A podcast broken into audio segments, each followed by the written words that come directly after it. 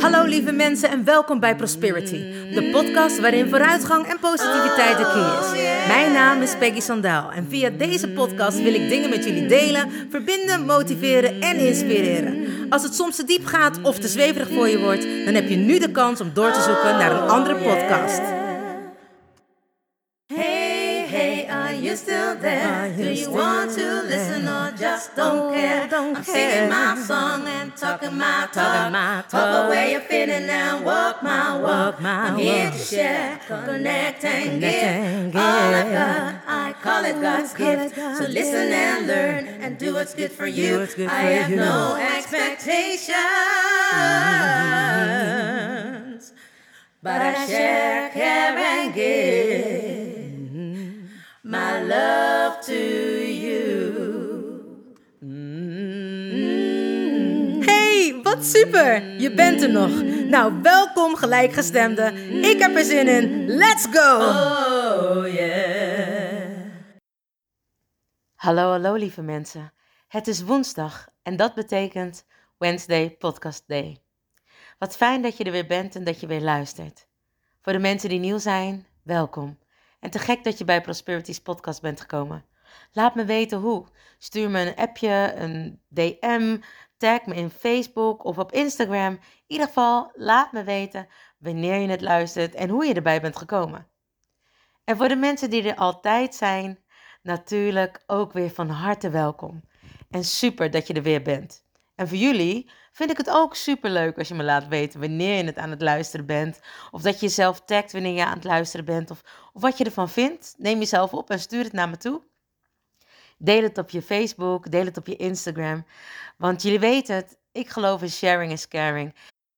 En ik zou het te gek vinden als jullie dit allemaal doen, zodat de podcast beter naar boven komt en dat die beter gevonden wordt door mensen die nog niet weten dat er een podcast is van Prosperity. Nou, dat gezegd hebbende, de podcast is te vinden op SoundCloud, Spotify en iTunes. En hoe die dan makkelijker gevonden wordt, is wanneer jullie een berichtje achterlaten, de podcast opslaan of delen of liken. Nou, het mag natuurlijk ook alle drie. Het hoeft niet of-of, hè? In ieder geval, super bedankt alvast. En ik zeg, eh, als jullie er klaar voor zijn, ik heb er super veel zin in. Dus, let's go! Zo mensen, wat een dag, wat een dag, wat een dag. Ik ben de hele week al bezig, natuurlijk weer met lesgeven en met optreden. En we kunnen nog optreden en ik ben super dankbaar. Het is zo grappig, ik was eh, vandaag, of eigenlijk gisteren, ben ik met uh, twee collega's uh, ben ik naar België gereden om daar op te treden. En het was zo mooi, want we moesten in een kerk optreden. En het was een hele bijzondere kerk. In, uh, waar was het nou ook weer? Oh ja, in Kokzijde. Een aparte naam, maar het was ook een hele aparte kerk. Als jullie de Efteling kennen met die torens zo, die een beetje zo, nou, van die laaftorens.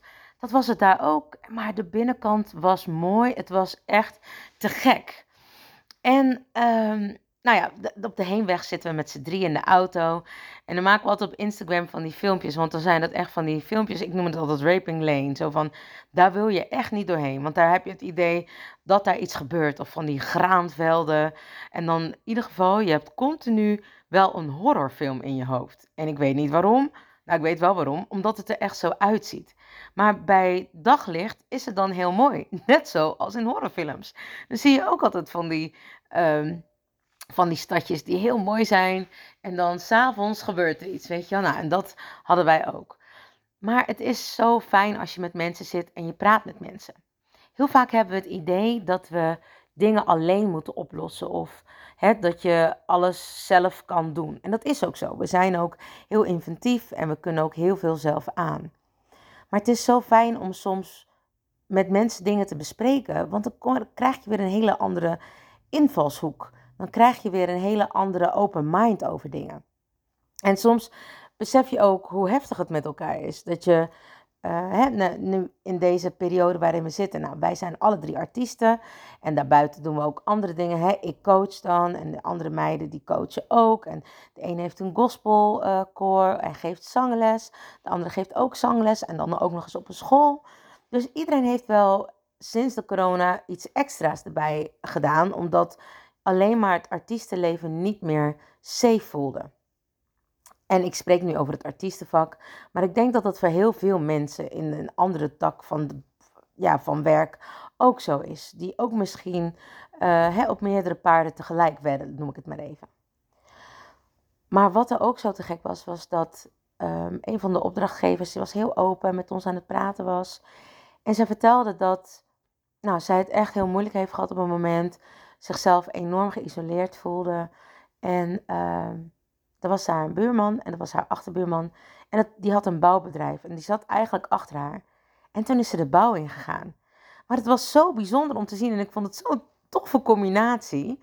Want zij is dus een boeker, dus zij zorgt ervoor dat nou, hè, artiesten uh, of dat mensen, eigenlijk particulieren of bedrijven, die een feest willen, is zij degene die dat feest helemaal organiseert. Of in ieder geval de artiesten daarvoor boekt. En zij zei, ja, ik ben gewoon, uh, ik werk gewoon in de bouw. Want dan krijg ik mijn hoofd leeg. En als je die dame zou zien, zou je echt denken, jij werk je in de bouw? Ze is heel tenger, maar het was heel schattig, want ik zei, je bent zo tenger. En toen zei ik, maar dat zegt helemaal niks, maar ik vind het gewoon een mooie tegenstelling, weet je wel? Dat je, don't judge a book by its cover. Dat is eigenlijk waar het op neerkomt. En ik vond het heel grappig, want automatisch deed ik het ook, maar niet dat ik het beoordeelde, voor, voor, veroordeelde, maar ik dacht, oh mijn god, wat gaaf, je bent zo tenger, dus je zou het er niet achter verwachten. En toen liet ze gelijk spierballen zien en toen zei ik, ja, ja, ja, dat zegt zeker niks. Zo bedoel ik het ook niet. Alleen ik vond het heel leuk om te zien dat het totaal, als je er ziet, echt een mooie madame. Weet je, alles helemaal perfect. En wat zo mooi was aan het gesprek, was dat ze zei: Maar ik ben tot zoveel inzichten gekomen. Ik weet nog een tijd geleden dat ik zei: Ja, ik heb helemaal niks in de kast hangen. Ik heb helemaal geen kleding. En nu ineens besef ik me hoeveel kleding ik heb. En wij zeiden ook, ja, we zaten in die routine van druk zijn. Wat ben je aan het doen? Ja, ik ben druk. Waarmee? Ja, met werk. En van de ene klus naar de andere klus. En het was bijna puzzelen. Hoe je de klussen achter elkaar kon zetten. En natuurlijk ben je dankbaar hè, voor iets wat je mag doen. Maar je weet pas wat je mist wanneer het er niet meer is. En ik weet nog dat ik met een van de meiden uh, van de Soul Sisters in de auto zat. En we zaten gewoon van, oh, nog even. En dan kunnen we misschien weer gaan werken. Maar heel stom, op de een of andere manier heb ik gewoon een soort van mindset die je kan letterlijk kan omdraaien. Ik had het ook vroeger altijd, sorry dat ik even op de hak op de tak spring, maar dat zijn jullie inmiddels van me gewend. Maar ik leg het uit omdat ik vroeger, als ik aan het toeren was in het buitenland, kon ik een soort van mijn gevoel uitschakelen voor mijn familie.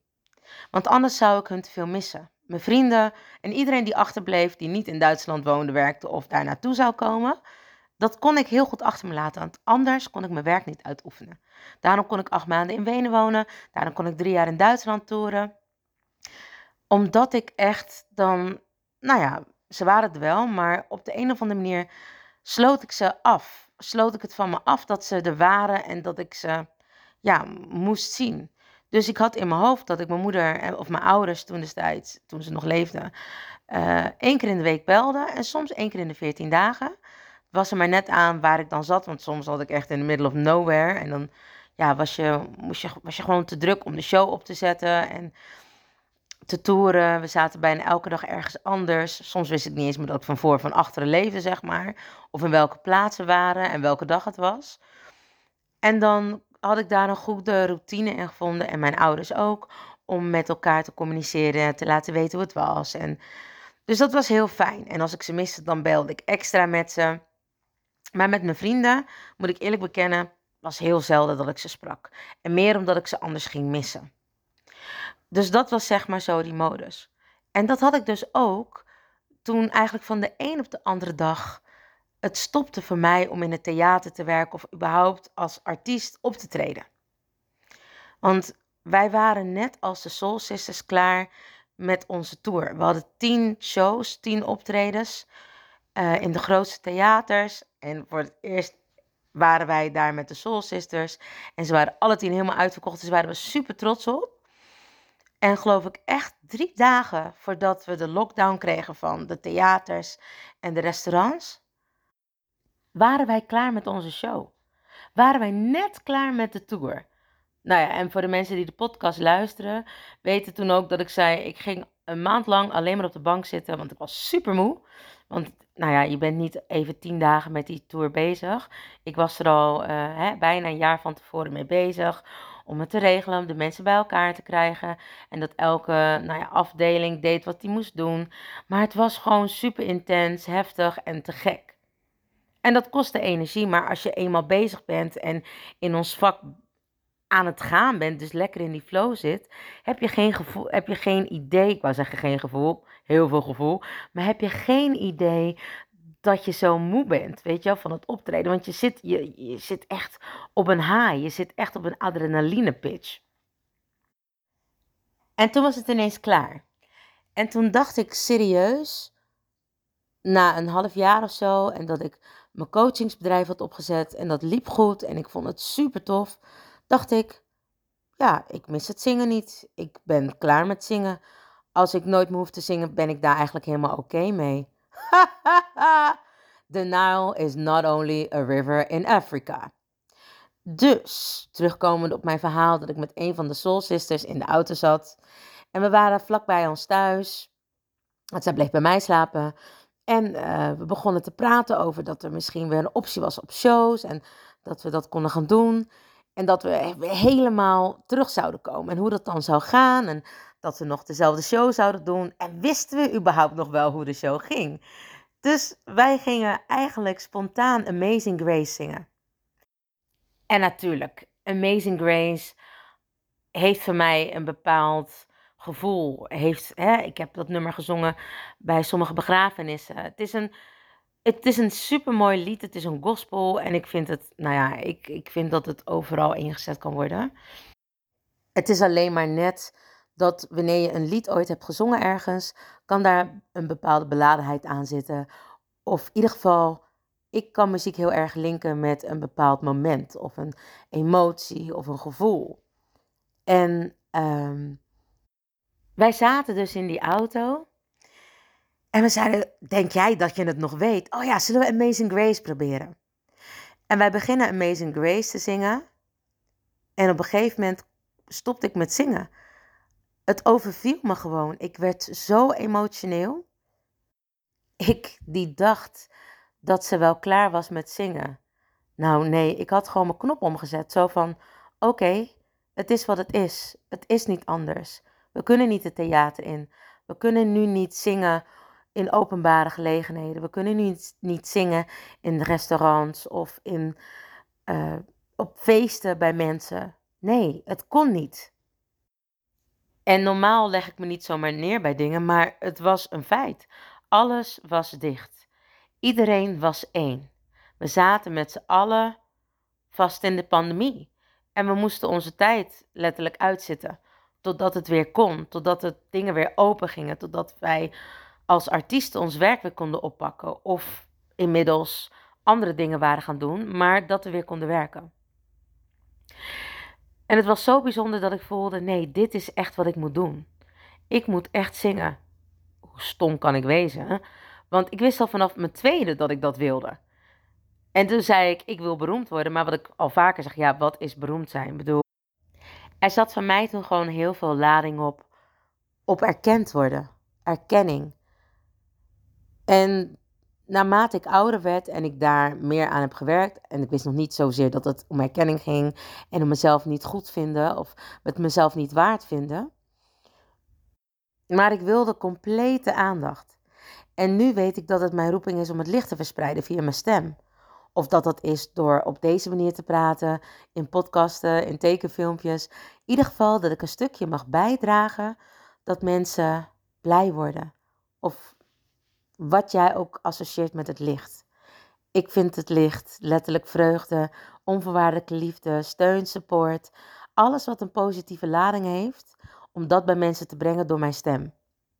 En ik hoop dat ik mensen daarmee ook kan raken. En daarom zing ik zo graag, omdat ik dan nog veel meer mensen kan bereiken. Daarom vraag ik jullie elke week mij te helpen om de podcast te delen, te laten zien en horen waar je hem luistert zodat andere mensen dat ook zien, horen en weten en zich niet gaan schamen. En ik zeg schamen omdat ik nu ook op het MBO les mag geven. En natuurlijk ook omdat er heel veel mensen in mijn praktijk komen.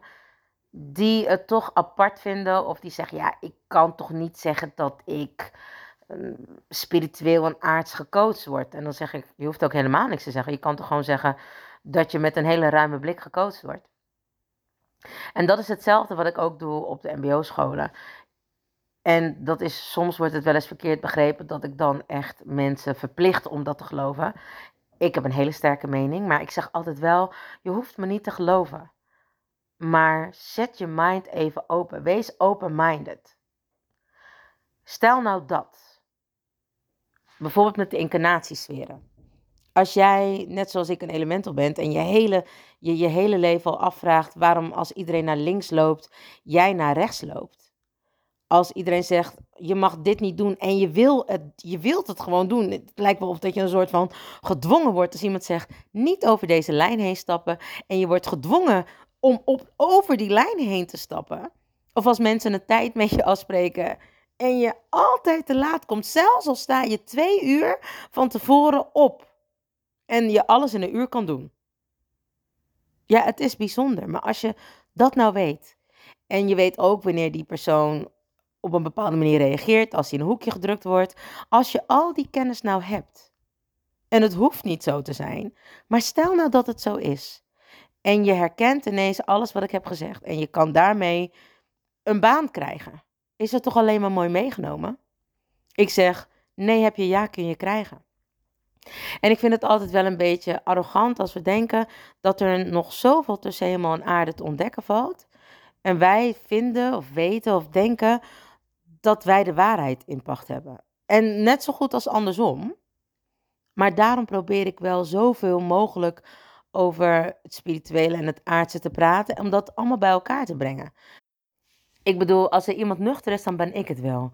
Ik ben notabene opgevoed door echte, pure, platte Rotterdammers.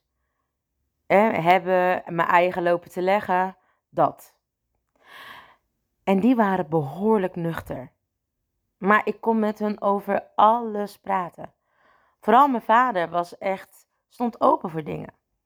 En ik weet nog wel dat hij zei van, zei ik van, ja maar pap, stel nou hè, stel nou dat je overlijdt. Dan wil ik gewoon dat je naar boven kijkt. En dat, dat je het licht ingaat. Oké pap, dat is het enige wat je hoeft te beloven. Dat is het enige wat je, wat je moet doen voor mij. En toen zei die meisje, ik kan je dat niet beloven. En toen dacht ik heel goed, want beloftes, geloftes en edes leg je af op je ziel.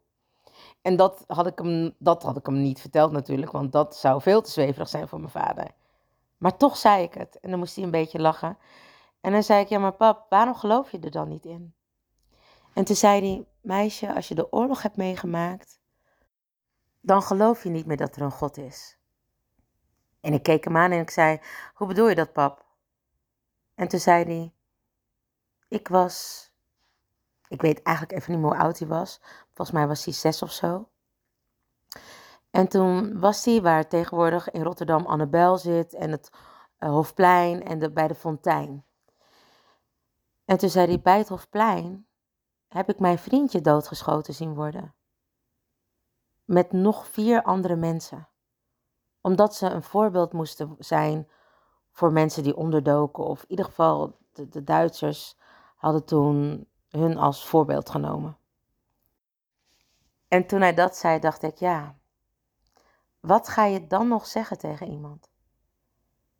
Hoe kun je dan zeggen, maar pap, ik weet zeker dat God bestaat, of de bron, of Allah, of waar je ook in mag geloven, maar ik geloof dat er echt iets is nadat je bent overleden.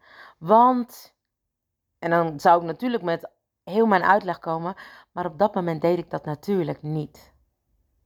En zei ik, ik begrijp het pap. Maar ik hou zoveel van jou.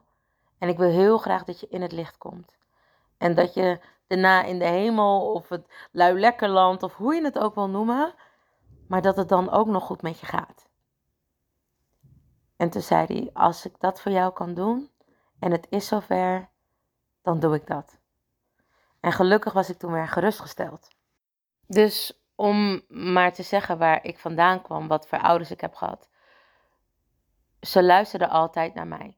En ze stonden altijd open. Want soms vinden mensen het heel eng dat ze bepaalde gaves hebben, maar dat ze die niet durven te ontwikkelen of niet aan andere mensen durven te vertellen. Net zoals ik. Want bedoel, mijn moeder zei ook, dat moet je niet vertellen, want anders kom je in een gesticht. En zoals ik al vaker zei, ik heb nog nooit gezien hoe een gesticht van binnen eruit zag. Maar ik kon me er zo wat bij voorstellen. Echt onderin het ziekenhuis. Ja, ik wist zeker dat daar allemaal mensen waren die iets hadden. En dat was heel eng. Althans, in mijn verbeelding. En daarom vind ik het zo belangrijk dat we met elkaar willen praten en dat we alles delen en dat we open-minded blijven. En daarom verspreid ik op deze manier het licht. Om bij iedereen een soort van verheldering te krijgen. Noem het letterlijk of figuurlijk. En doe ermee wat je ermee wilt doen. Wat ik vertel is niet de waarheid. Het is een waarheid. En je hoeft niet maar één waarheid te hebben. Je kan dingen combineren, zolang je het maar kan toepassen in jouw leven. En daarom hoop ik dat er steeds meer mensen dit willen delen en ernaar willen luisteren. En wat ik al zei, het met elkaar willen delen. En het er met elkaar over hebben. En dat was de verbinding die er vanmiddag, of vanochtend eigenlijk was, toen wij dus om half tien moesten optreden in de kerk. En even daarvoor dat we met elkaar vertelden hoe we het hebben beleefd, hoe we de coronacrisis hebben beleefd, hoe we zijn gegroeid, hoe we ons eenzaam hebben gevoeld, hoe we dankbaar zijn geworden, doordat we ook terug konden gaan naar binnen. En dat is eigenlijk waarom ik dit wilde vertellen aan jullie. Het is zo belangrijk om met elkaar te blijven verbinden. Ook al is er een tweestrijd nu aan de gang met mensen die wel gevaccineerd zijn, mensen die niet gevaccineerd zijn en mensen die daar wat van vinden. Waarom moet je er überhaupt iets van vinden? Ik denk dat het belangrijk is dat we met elkaar blijven testen. En al wil je niet testen, ja, dan, dan maak je het voor jezelf misschien moeilijker. Maar daar heb ik geen oordeel over. Het is jouw keuze. Maar als je elkaar veilig kan houden op die manier door te testen, of als je zegt van nou weet je, ik ga nergens heen, is dat ook helemaal prima. Maar laten we in verbinding blijven met elkaar. En in verbinding blijf je door met elkaar te praten.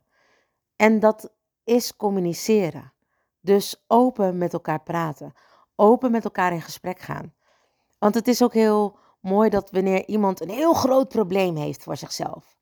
En wanneer je dan met iemand anders dat hele grote probleem deelt. Die persoon waar je het mee deelt zit niet in jouw situatie. En die, weet het, die kan het dan vanaf een andere kant bekijken. En die weet het dan altijd, of die ziet het dan altijd net even beter dan dat jij dat doet. En dus we kwamen vanochtend aan bij die enorme kerk. Aan de buitenkant echt een heel kunstwerk, een soort van, nou ja, opening van de, de, de ingang van de Efteling met een heel mooi kruis erop. En het had ook een beetje iets. Ik vind sowieso dat kerken altijd iets magisch, maar ook een beetje iets duisters, iets een beetje, ja, iets engs hebben, weet je, iets heel vrooms hebben. Dat je, als je niet lief bent, mag je daar eigenlijk niet naar binnen of zo. Of als je heel stout bent gedaan, dan voel je jezelf. Dat je denkt, oh, kan ik hier wel naar binnen? Want ik ben niet altijd even lief. Of ik heb stoute dingen gedaan. Maar goed, toen we eenmaal binnen kwamen, was het zo prachtig. Was het zo sereen. En er waren 400 kinderen binnen. Allemaal met maskers op. Juiste ruimtes. Maar het was muisstil. En er was een pastoor en die was ook ehm, tegelijkertijd verbonden aan de, aan de school waar wij moesten, voor moesten optreden. Want zij bestonden 75 jaar. En hij zei zulke mooie dingen over verbroedering, verbintenis, uniek, um, samen zijn, samenhorigheid. En dat was wat je voelde. En die kinderen waren opgevoed, joh. Die hebben gewoon een uur lang, waren ze stil. En dan begonnen ze een beetje te praten. Zei iemand, en dan werden ze gelijk stil. En dat is maar één keer in dat hele uur gebeurd. En waarom? Omdat ze zelf aangaven dat ze verbinding met elkaar hadden. Dat ze respectvol naar elkaar waren. En dat ze voelden dat ze elkaar op elkaar konden leunen en elkaar steunden. Want ze zeiden dat ze in het internaat dan waren voor hun opleiding. En daar waren opvoeders en broeders. En mensen waar ze het dus heel gezellig mee hadden. En het was hun familie. En door de corona moesten deze kinderen heel lang thuis zitten. En waren ze oh zo blij dat ze deze ochtend weer even bij elkaar waren. En muisstil. En ze klapten voor ons en ze deden ons laatste nummers, deden de zaklamp aan en gingen helemaal meedoen. En dat was niet een verplicht iets. Dat was zelfinitiatie. Maar ze zeiden ook, ze vonden het zo mooi wat jullie deden. Ze waren zo onder de indruk. Want ook door de muziek werden wij verbonden met die kinderen. En ik was aan het praten dus met een van die meiden. En ik zeg, ja, ik geloof in liefde, licht, hoe je het wil noemen. En dat er vijf liefdestalen zijn. Som, en ik, ik, ik, weet ze niet allemaal, maar ik ga het voor jullie uitzoeken. En ik denk dat ik daar zeker een podcast over wil maken. Want ik vind het een hele mooie. Maar sommige mensen maken verbinding door muziek. Sommige mensen maken verbinding door cadeautjes voor elkaar te kopen. Sommige mensen maken verbinding door aanraking. Sommige mensen maken verbinding door voor iemand te zorgen. En alles van verbinding kwam voorbij. En het was zo fijn. Ik bedoel, ik ging eigenlijk vroeger nooit naar de kerk. Misschien een keer met kerst om dan een kaarsje aan te steken of om een mis bij te wonen, want dat kan dan tijdens de kerst. En ik ben helemaal niet zo dat ik vind dat ik naar een kerk moet. Maar die man, die pastoor, sprak zo mooi en sprak zo in verbintenis. En helemaal niet zweverig of uh, te gelovig. Nee, het was allemaal mooi. En ik kon me helemaal vereenzelvigen met wat hij zei. En het was echt, we zongen ook Oh Happy Days. Maar het was ook echt Oh Happy Days. Oh Happy Days. Omdat we met z'n allen, de artiesten die daar waren en ook de kinderen, beseften hoe bijzonder het is wanneer je met elkaar zonder angst in contact kan zijn. Zonder dat je iemand misschien ziek maakt. Zonder dat je zelf ziek wordt. Of zonder dat er een oordeel is over wat je nu wel hebt gedaan of niet hebt gedaan. En of dat dat nou met vaccinaties is. Of met wie jij bent. Met de lessen die jij in je leven bent tegengekomen op jouw pad. Het maakt niet uit. Als jij er maar goed mee omgaat. En als je met respect voor jezelf en naar anderen toe in het leven kan staan. En als je kan blijven communiceren. En wat er ook gebeurt, of wat er nog ook mag gaan gebeuren in de wereld. Als we met een open blik naar elkaar blijven kijken en luisteren. En blijven verbinden door communicatie op deze manier. Zonder oordeel, maar vanuit liefde dan weet ik zeker dat we nog heel veel mooie dagen kunnen krijgen. Met elkaar. En ook al voelt het, ik zei toen we met elkaar aan het praten waren over hoe we het beleefden deze periode, het voelt alsof er eerst nog heel veel ellende, tegenslag, letterlijk vuil naar boven moet komen, voordat we bij het licht kunnen komen. Net als een lotus die eerst in de, in de modder zit en vanuit die modder die drek omhoog komt om een prachtige bloem te worden. En hoe zwaar het nu soms ook voelt, hou het niet voor jezelf. Zorg dat je het kan delen met mensen waar je van houdt, met mensen die dicht bij je staan en misschien zelfs wel iemand die niet dicht bij je staat. Want dat is soms nog fijner dan wanneer je wel met iemand bent die heel dicht bij je staat. Maar deel het. Want iemand anders zit niet in jouw situatie. Iemand anders heeft een andere visie. Iemand anders kan misschien beter buiten de box denken dan jij. En daar is niks mis mee. Want jij doet het op een ander moment weer voor iemand anders. Maar deel het. Maak je hoofd lichter. Zorg dat je niet met alle rotzooi die je opruimt blijft zitten. Die dan van het ene stukje in je lichaam misschien naar het andere stukje worden verdeeld of verplaatst, je hoofd. Zorg dat alles leeg is. Zorg dat jij ruimte krijgt, zodat je weer fijne, mooie, happy days kan krijgen. En dat je alles wat er nog op je pad komt, veel makkelijker aan kan. Want je hoeft dingen echt niet alleen te doen. En soms lucht het gewoon op om het te delen. En krijg je vanzelf alle mooie antwoorden en liggen de oplossingen heel vaak dichterbij dan dat je zelf denkt. Dus blijf in verbinding Niet alleen met jezelf, maar ook met anderen. Zodat je opgeruimd en helder van geest blijft.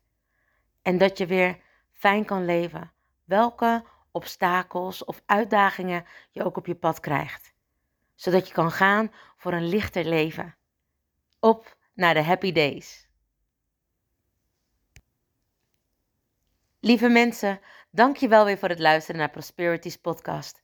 Zoals ik in het begin al aangaf, ben ik te beluisteren op Spotify, SoundCloud en iTunes. En lijkt het me te gek als we met elkaar zorgen dat er een ripple effect ontstaat, zodat er steeds meer mensen de podcast kunnen beluisteren. Helpen jullie mee? Alvast bedankt. En natuurlijk te gek en super bedankt dat je deze week weer hebt geluisterd naar Prosperities podcast. Vergeet niet van jezelf te houden, want je weet het, ik doe het sowieso. And remember, we are lucky. Mensen, bedankt voor het luisteren naar Prosperity, de podcast met vooruitgang en positiviteit als de key.